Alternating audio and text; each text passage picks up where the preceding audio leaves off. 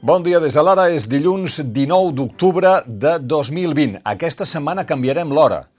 La nit de dissabte a diumenge guanyarem una hora més de son, però es farà fosc més d'hora a la tarda. Mentrestant, la setmana comença amb temperatures més temperades. Miquel Bernis. Sí, avui la sensació de fred disminuirà i al voltant de dimecres gairebé haurà desaparegut.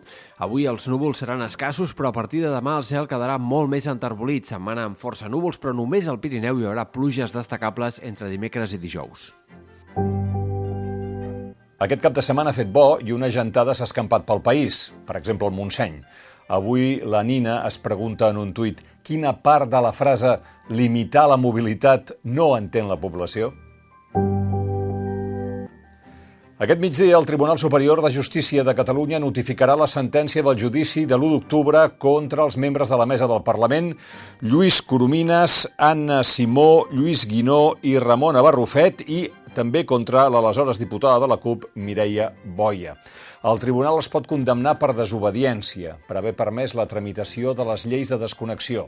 La, la desobediència es castiga amb penes d'inhabilitació. Les defenses dels cinc acusats demanen l'absolució per considerar que eh, no podien vulnerar els drets dels diputats a la llibertat d'expressió i d'iniciativa parlamentària. Ha pujat el risc de rebrot, van augmentant els ingressos als hospitals, l'epidèmia continuarà creixent a Catalunya. Ho sabem perquè els models matemàtics preveuen que la setmana que ve arribarem als 500 positius de Covid per cada 100.000 habitants. Madrid, per exemple, tot i l'estat d'alarma, ara està encara a 452 positius per 100.000 habitants.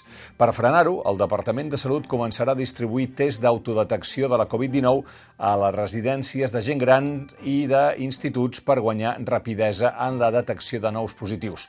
El que està descartat de moment és que ens facin com a les principals ciutats franceses i decretin el toc de queda. Pere Aragonès respecte a mesures més intenses com que les que s'han plantejat fins al moment, nosaltres no descartem res. El que hem après amb aquest virus és que no podem descartar cap mesura. També he de dir, el toc de queda en aquests moments no està sobre la taula, eh, tot i que, evidentment, nosaltres, repeteixo, no descartem cap mesura en el futur. Dimecres, el Congrés de Diputats començarà la moció de censura de Vox contra el govern de Pedro Sánchez. La cosa segura que passarà és que augmentarà la crispació, si és que això és possible. En parla avui en David Miró i en parla la premsa internacional que ha arribat a publicar expressions del tipus Espanya ha estat fallit.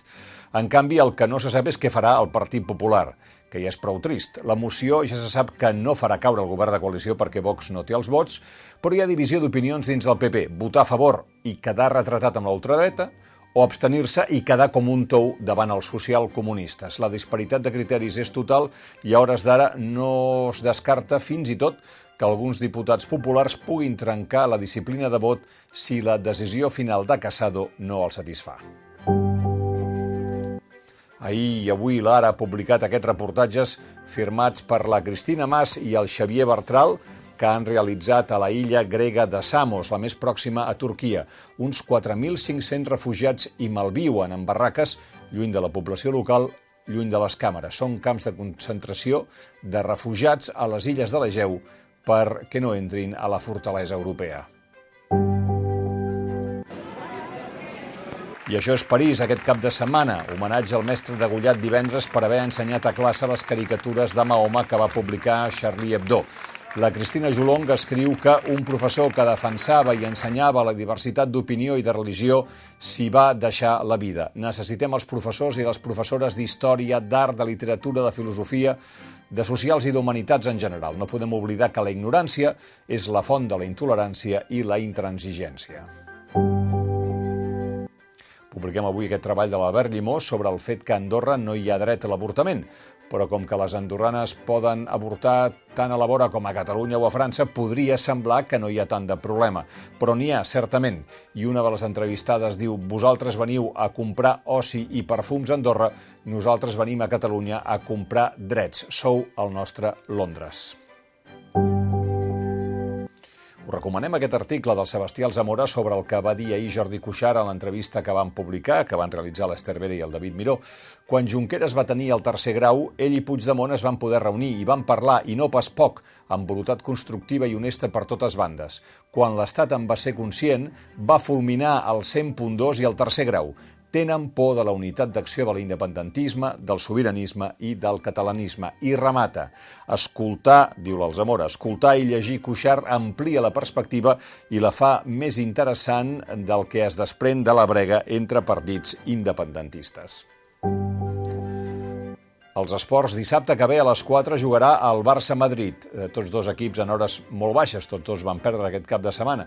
Però abans el Barça jugarà demà al Camp Nou partit de la Champions contra el Ferimbaros hongarès.